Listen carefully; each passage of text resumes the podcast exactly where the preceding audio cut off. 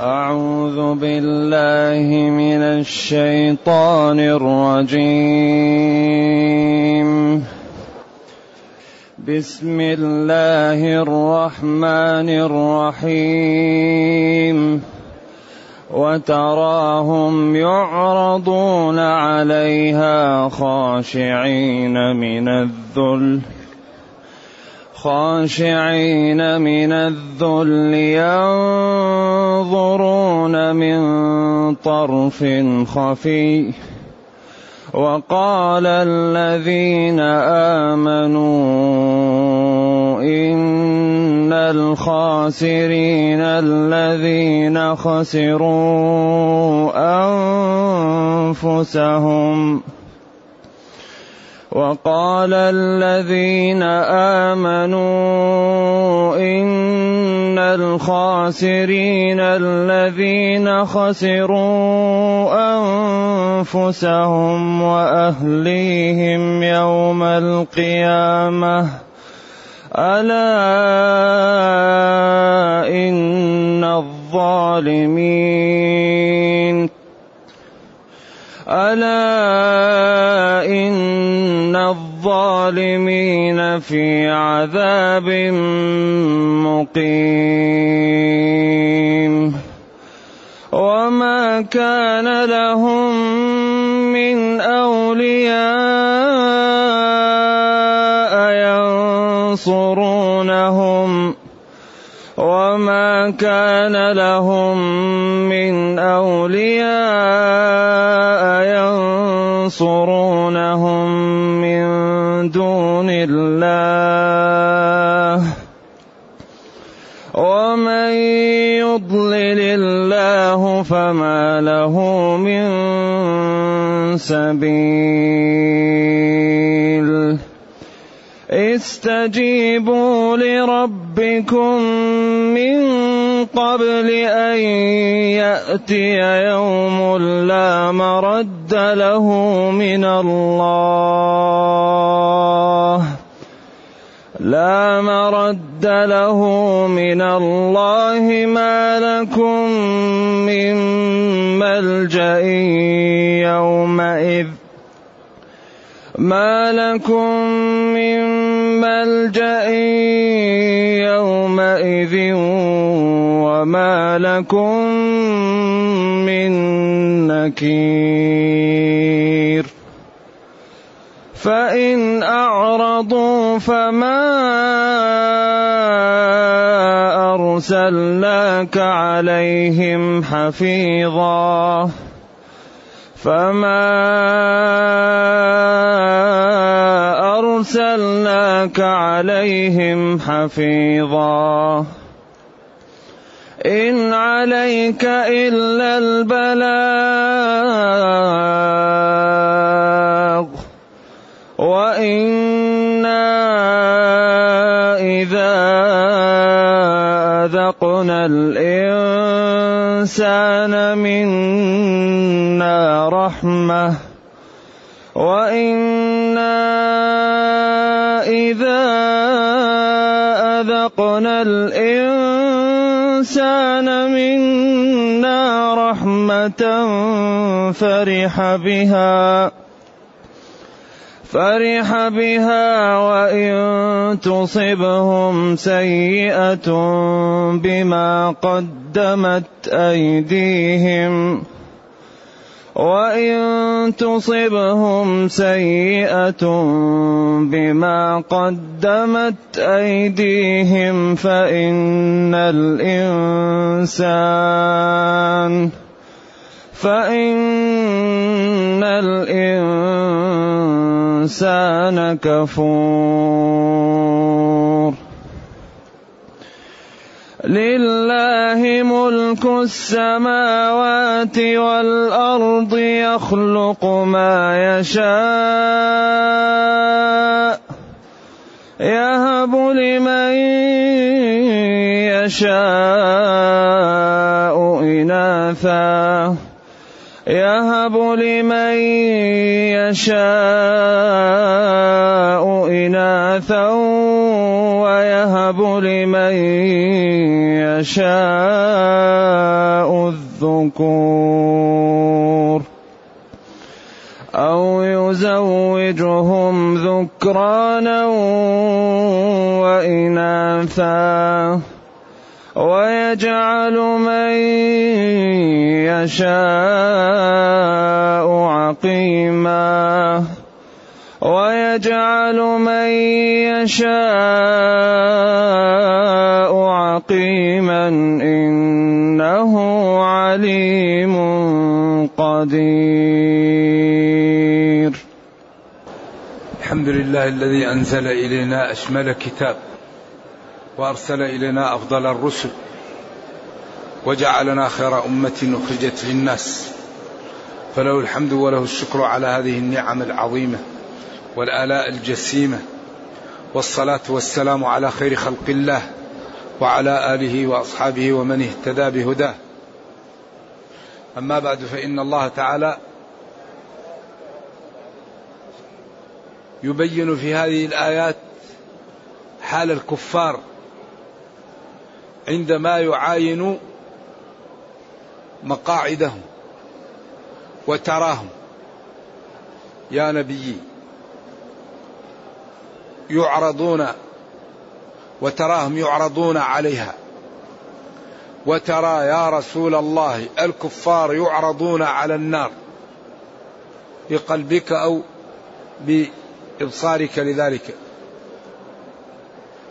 وتراهم يعني بقلبك أو ببصرك يعرضون على النار خاشعين ذليلين خائفين من طرف خفي. هذا الأسلوب يقصد به ما يكون لأهل النار من الذلة والهوان والاستكانة. وعدم رفع البصر لأنه رافع بصره كناية عن الإنسان لا يفعل ما يشينه. وخفض البصر عند العرب كناية عن الإنسان الذي يكون يفعل ما يفضحه. يعني تراهم يا نبي يعرضون لهم الكفار عليها على النار خاشعين أي خائفين ذليلين ينظرون من طرف خفي. من طرف خفي. اختلفوا في من طرف خفي ما المقصود بها؟ قال بعضهم هم عميان. لأنه قال نحشره يوم القيامة أعمى وينظر بقلبه ونظر للقلب خفي. قال بعض العلماء هذا بعيد. وإنما ينظرون من طرف لأن الخائف لا يستطيع أن ينظر لأنه يسارق النظر لشدة الخوف وخصوصا مما يعاقب به. فيسارق النظر بطرف خفي. وقيل لشدة ما أصابهم من الهول. أصبحت عيونهم غائرة. لا تنظر إلا بطريق خفية لأن العين أصبحت لا تفتح لما هم فيه من الألم والعذاب عياذا بالله. وعلى كل فالأسلوب يدل على أنهم في كرب وفي ذلة وفي إهانة. نعم. وأنهم يعني في موقف لا يحسدون عليه. نرجو الله السلام والعافية. ينظرون من طرف خفي وقال وقال الذين آمنوا وهم في الجنة أو يتكلمون فيما بينهم. إن الخاسرين الذين خسروا أنفسهم وأهليهم. إن توكيد. الخاسرين جمع خاسر وهو الناقص حظه بارتكابه المحرمات وتركه ما أوجب الله عليه وهو في دار الدنيا بعد أن جاءته الرسل وأتباعها وبينوا له الطريق. فترك ذلك وضيع عمره في شهوته وفي أمور لا تنفعه. إن الخاسرين الذين خسروا أنفسهم خسر نفسه لأن نفسه يتمناها لو ماتت لانها تجر له العذاب وتجر له الإهانة وأهليهم. ولذلك قالوا كل إنسان له منزل في الجنة وله منزل في النار. فإذا دخل الجنة ورث أهل النار منزله في النار. وإذا دخل النار ورث أهل الجنة منزله الذي كان في الجنة. الخاسرون الذين خسروا أنفسهم أعمارهم. الله أعطاك العمر وأعطاك العقل وأعطاك أنه هيأ لك سبل العلم موارد العلم. جعل لك السمع والأبصار والأفئدة لتشكره. وأعطاك الوقت العمر. وأعطاك العقل وقال لك هذا العمر رابع تاجر مع الله. فإن استغلت العمر في الخير فستربح أرباح هائلة. وإن ضيعت العمر وعملته في الشهوات والملاذ وكل ما ما تشتهي وتركت الواجبات ستخسر خسارة لا وراء وراءها. لذلك قال قل إن الخاسرين ضيعوا العمر. ما سلككم في سقر؟ قالوا لم نكن من المصلين. ما كنا نصلي ولم نكن نطعم المسكين وما كنا ننفق وكنا نخوض. كل ما تكلم واحد نخوض معه. لا يخاف الواحد. غيبة يغتاب الكذب يكذب. كل شيء يخوض فيه الناس يخوض. وكنا نكذب بيوم الدين حتى أتانا اليقين. فما تنفعهم شفاعة الشافعين. هذا يتكرر وهذا يبين ويوضح ليعتبر العاقل. ليعتبر العاقل. العاقل يعتبر هذا رأس المال لا تضيعه. يا عاقل يا مسلم رأس المال عمرك. فإذا ضيعته خسرت. خسروا أنفسهم. أكبر شيء الإنسان نفسه خسرها. لأن النفس أصبحت تعذب يتمنى لو يموت. لا يموت فيها ولا يحيا. لا يموت ليستريح ولا يحيا ليتمتع. كلما نضجت جلودهم بدلناهم جلودا غيرها.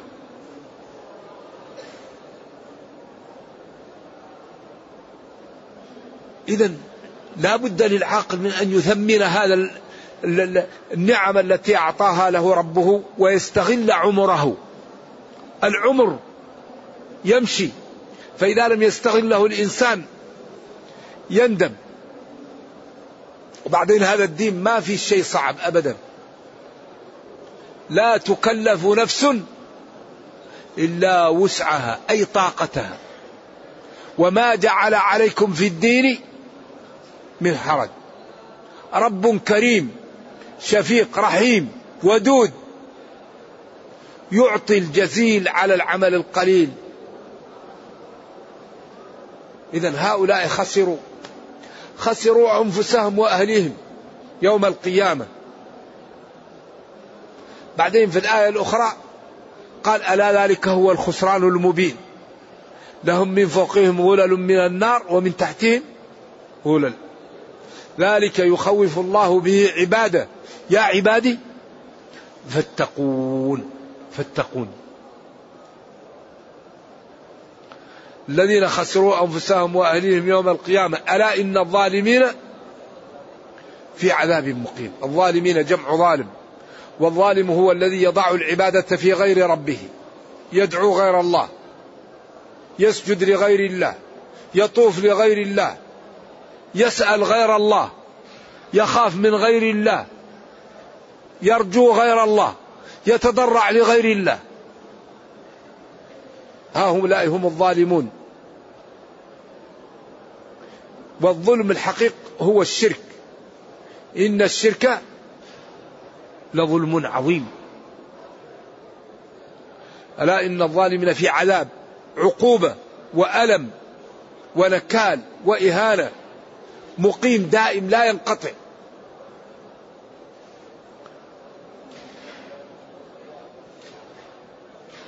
وما كان لهم من أولياء ينصرونهم من دون الله. ما كان ما نافية. لهم للكفار. من أولياء جمع ولي.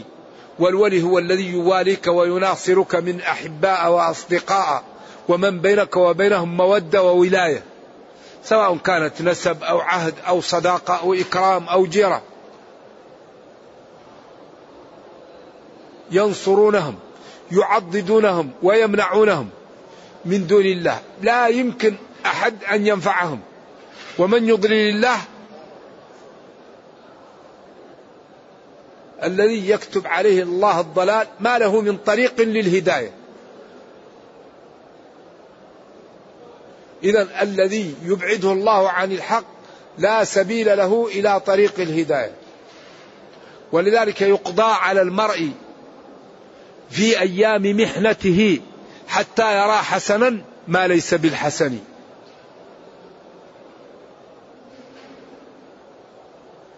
نبينا صلى الله عليه وسلم تألم لأبي طالب لأنه أكرم الإسلام وساعد ونافح وبذل ولكن لم يقل لا إله إلا الله. فنبينا تألم له قال له إنك لا تهدي من أحببت. ولكن الله يهدي من يشاء. وأبو طالب يتيقن أن ابن أخيه صادق. متيقن أن محمدا صلى الله عليه وسلم صادق. لأنه رباه ولا يعلم فيه الكذب ولا يعلم فيه غش ولا يعلم فيه إلا الصدق والفضل والأمانة.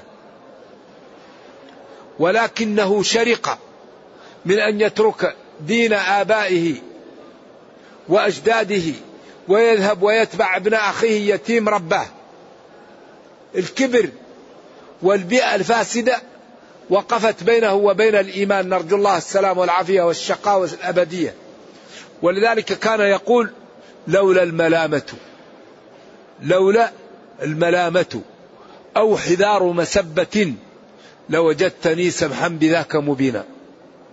لولا الملامة والله يقول لولا الملامة ملامة الناس. ويقال رئيس الوادي ترك دين آبائه واتبع دينا جديد جاء, جاء به ابن أخيه اليتيم الذي رباه.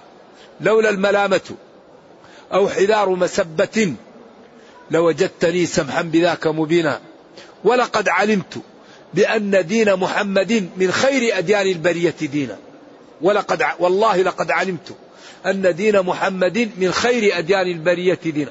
طيب لما لا تتبعه لولا الملامة؟ أرجو الله السلام والعافية. واحد يقول لا شيخنا قال والله لولا الشيخ. الشيخ إذا كان ضال يا أخي أنجو بنفسك. لولا الوالد. الوالد إذا كان على خطأ أنجو بنفسك. لولا الإمام. الإمام إذا كان على خطأ يا أخي. كل شيء معلقة برجله كل امرئ بما كسب رهين. هذا مسكين. قال في ضحضاح من نار. لولا يغلي منه دماغه. لأن النبي صلى الله عليه وسلم خفف عنه بدعائه أو شفاعته له.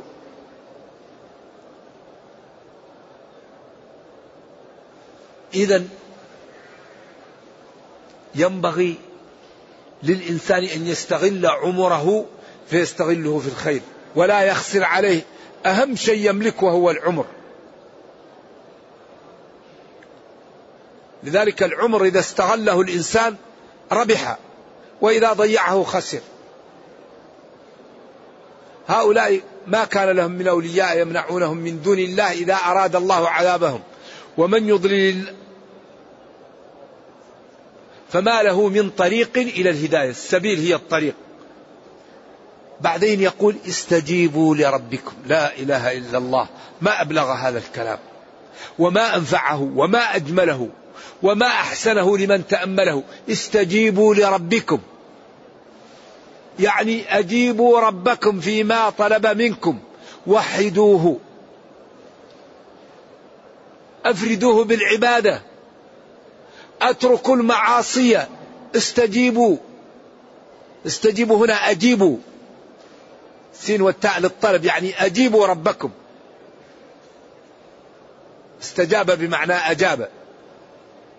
قبل أن يفوت الأوان. يعني الواحد يستجيب قبل أن يفوت عليه الأوان. من قبل أن يأتي يوم لا مرد لا مدفع له من الله وهو يوم القيامة. كل واحد يحاول أن ينجو بنفسه قبل أن يأتي الوقت الذي لا مرد له. لأن الإنسان إذا مات خلاص. العمر مثل الشريط. ماشي ماشي ماشي ينتهي يتوقف يمكن يتوقف أنت ساجد. أنت في الحرم أنت في البيت في الطائرة في السيارة. عمر. فهذا العمر إذا استغليته ستنال ما يسرك. وإذا ضيعت لا سمح الله ستنال ما يسوءك. وهذا يتكرر. ولذلك من أسباب ضعف المسلمين على كثرتهم عدم اهتمامهم بالقيام بالأسباب. هذه الأمة الآن مليار وستمائة مليون. كثير من أمورها لا تستشار فيه لأنها لا تقوم بالأسباب والحياة كلها قائمة على الأسباب. نحن مليار وستمائة مليون. كثير من أمورنا في المحافل لا نستشار فيه. لما لا؟ لأننا لم نقم بالأسباب. كل شيء بسبب. كل شيء في الدنيا له سبب. هل رأيتم إنسان له أولاد لم يتزوج؟ يمكن إنسان يكون عنده أولاد بدون زوجة؟ يستحيل. إذا رأيت إنسان يقول اللهم ارزقني أولاد قل له تزوج يا أخي. هل رأيتم إنسان عالم لم يجد ذل الطلب؟ لا يمكن إنسان أن ينال العلم ورفعة العلم إلا إذا جلس عند الشيوخ وتعب وابتعد عن الأحبة والأصدقاء والأقران وتحمل العري والجوع والسهر بعدين ينال عز العلم. هل يمكن الإنسان أن ينال التقى وهو ينظر في الحرام ويتكلم في الحرام ويأكل الحرام؟ ما يمكن الإنسان يمتلئ بالتقاء إلا بممارسة الطاعة ومكابدة غض الطرف والسمع واللسان والقلب والحبس على الطاعات بعدين يرتفع الإنسان وينال طعم التقاء وعز الإيمان. كل شيء له ثمن. فلذلك نحن مع الأسف هذه الأمة تريد الثمن والمذمون. من أراد شيئا فليدفع ثمنه. الجنة لها ثمن. التقى له ثمن. العلم له ثمن. ونعم لها ثمن.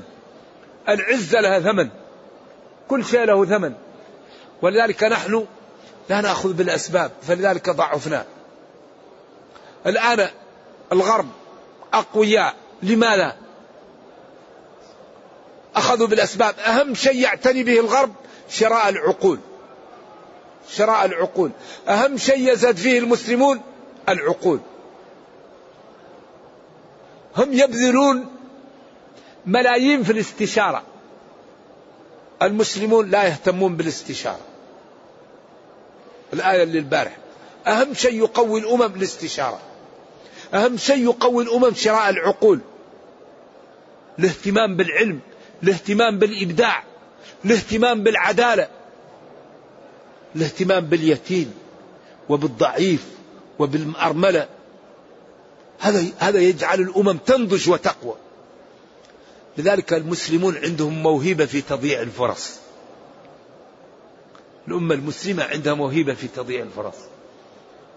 فرص تأتيها تضيعها تضيعها. فلذلك الآن تجد أنهم أغلب عقول المسلمين يأخذها الغرب. أمة تزهد في العقول إيش النتيجة؟ الضعف. إذا لابد أن نشيء الاهتمام بالعقول الاهتمام بالاستشارة الاهتمام بالعلم الاهتمام بالعدالة. هذا ينضج الأمم ويقويها ويجعلها ترتقي. استجيبوا لربكم. أوامر نفذوها. أقيموا الصلاة آتوا الزكاة. من شهد منكم الشهر فليصمه وبالوالدين إحسانا. افعلوا الخير لعلكم تفلحون.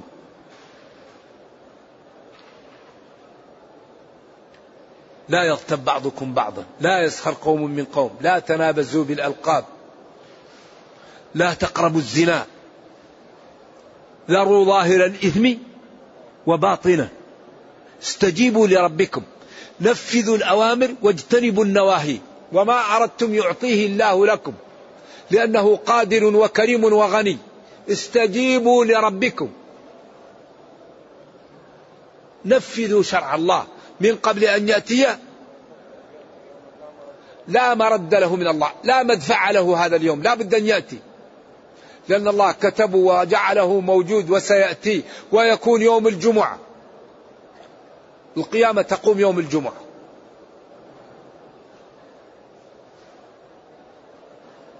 آخر شيء راعيان كانوا يسقون غنمهم في المدينة وهم ي ي ي ينظفون حوضهم تأتيهم النفخة وهم هنا.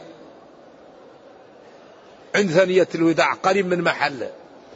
في الحديث.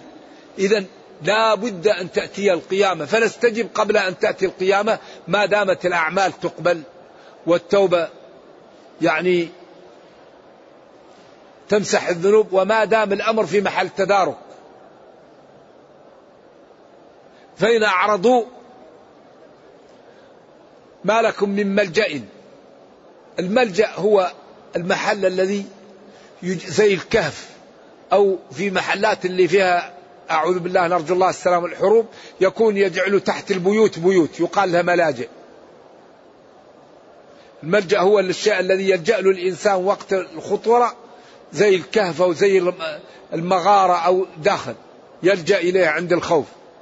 وما لكم من نكير أي وما لكم ممن ينكركم يدسكم. أو ما لكم ممن يزيل ما فيكم من ما ينكر. ممن يساعدكم على الخلاف في نكير. لكن ما لكم من ملجأ وما لكم ممن يدسكم ويمنعكم ينكركم حتى لا يوصل إليكم فتعذبون. نكير يعني يدسكم. أو ما لكم ممن يزيل ما ينكر ما الذي ينكر يمنع عنكم العذاب عياذا بالله. فإن أعرضوا وتركوا القبول فما أرسلناك عليهم حفيظا. قال بعض العلماء هذا قبل القتال لكن لا. فإن أعرضوا ولم يقبلوا أنت عليك أن تبين لهم. فما أرسلناك عليهم حفيظا. لكن لا بد أن يدخلوا في الإسلام أو يعطوا الجزية عن يد وهم صغيرون. فما أرسلناك عليهم حفيظا.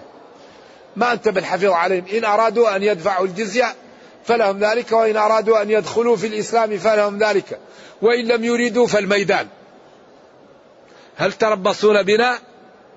إلا إحدى الحسنين ونحن نتربص بكم أن يصيبكم الله بعذاب من عنده أو بأيدينا فتربصوا. إنا معكم متربصون. إذا هذا الإسلام جاء لإنقاذ البشرية. المسلمون أمانة فيهم العالم. لا بد أن ينقذوا العالم من الكفر ومن الظلم ومن الضلال. إن المسلمين عندهم كنز وهو هذه الشريعة هذا القرآن وهذه السنة. فهذا الكنز لا بد أن ننفق منه على العالم. الكتاب والسنة هذه العدالة هذا الرفق هذه الرحمة. هذا النبل هذا الجمال هذا الحسن هذا الإيثار. البشرية في حاجة إلى هذا الدين. فحري بالمسلمين أن يجتهدوا لإيصاله للناس. ولكن المسلمين كالجبل الذي يحول بين الكفار وبين الإسلام.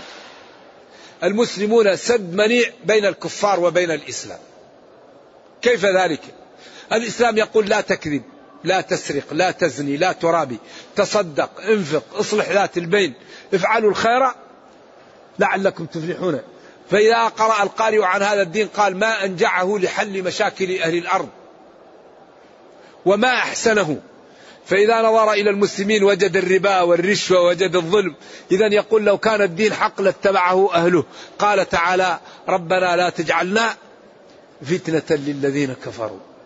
أي لا تجعل عملك فينا سببا في صد غير المسلمين عن الدخول في الإسلام. ولذلك الآيات تأمر بأن الإنسان يمتثل. وما أريد أن أخالفكم إلى ما أنهاكم عنه. أتأمرون الناس بالبر وتنسون أنفسكم وأنتم تتلون الكتاب أفلا تعقلون؟ كبر مقتا عند الله أن تقولوا ما لا تفعلون. هذه الآيات تدل على أهمية تمثل الدين. إذا العالم في حاجة ماسة إلى هذا الدين والمسلمون في حاجة ماسة إلى إظهار جمال الدين للناس في حياتهم. نحن نظهر للناس الدين في حياتنا في كلامنا ومشيتنا وسلامنا ونومنا وسفرنا وتعاملنا. أكبر شيء ينفع الإسلام في هذا العصر القدوة الحسنة. القدوة الحسنة. هي التي تنفع الناس وطريق سلامة محققة. ما يقدر واحد يقول لك أنت متطرف تصلي في الصف الأول. ما يقدر واحد يتكلم لك يقول لك أنت فيك وفيك يعني تكرم جيرانك تبر بوالديك تساعد الضعاف. فلذلك أهم شيء تمثل الدين هذا الذي ينفعنا كثير. فإن أعرض هؤلاء الكفار فما أرسلناك عليهم حفيظا إن عليك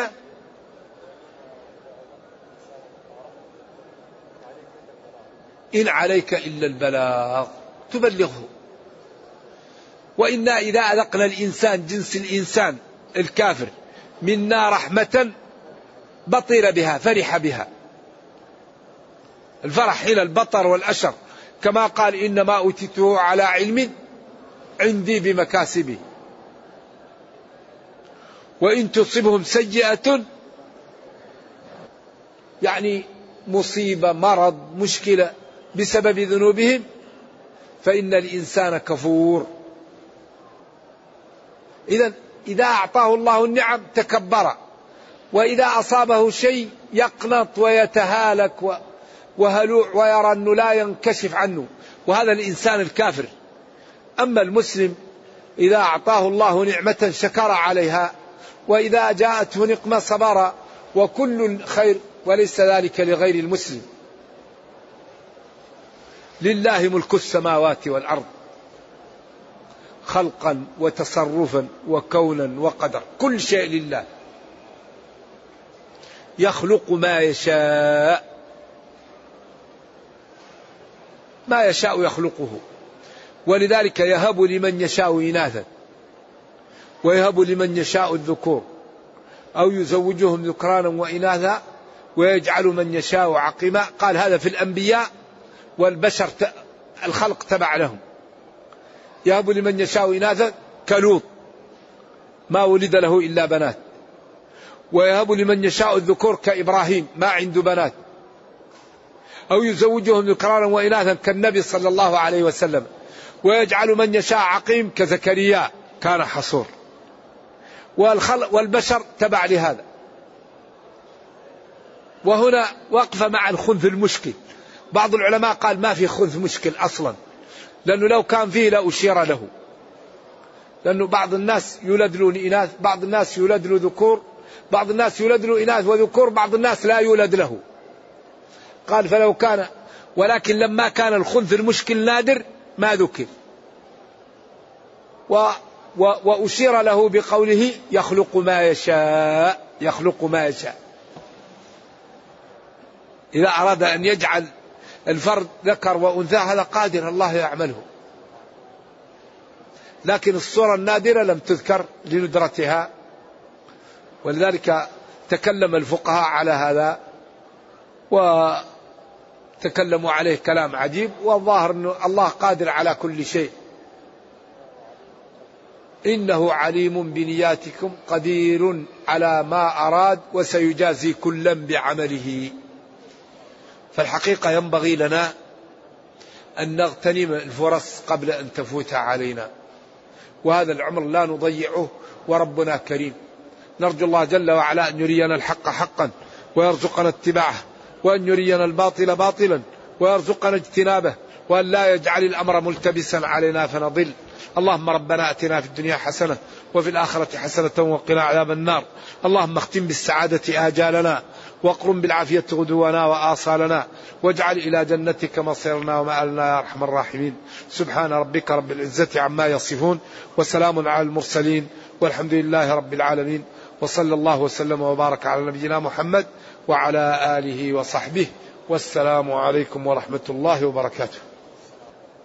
يقول هو متمتع يريد أن يجعل العمرة لأحد أقربائه والحج لوالديه لك الحج لا يكون إلا عن واحد والعمرة لا تكون إلا عن واحد. ما يمكن تحج عن اثنين ولا ثلاثة لا الحج عن واحد. فإن أردت أن تجعل العمرة عن أحد أقربائك والحج عن أحدهما لك ذلك. هذا سؤال مثل الأول. أنا الذي الحقيقة أريد أن ننبه عليه أن المسلم إذا أراد أن يحج أو يعتمر لا بد أن يعلم, يعلم أحكام هذا المنسك قبل أن يدخل فيه. لأنه جاء وبذل مالا ووقتا وتعبا من غير المناسب.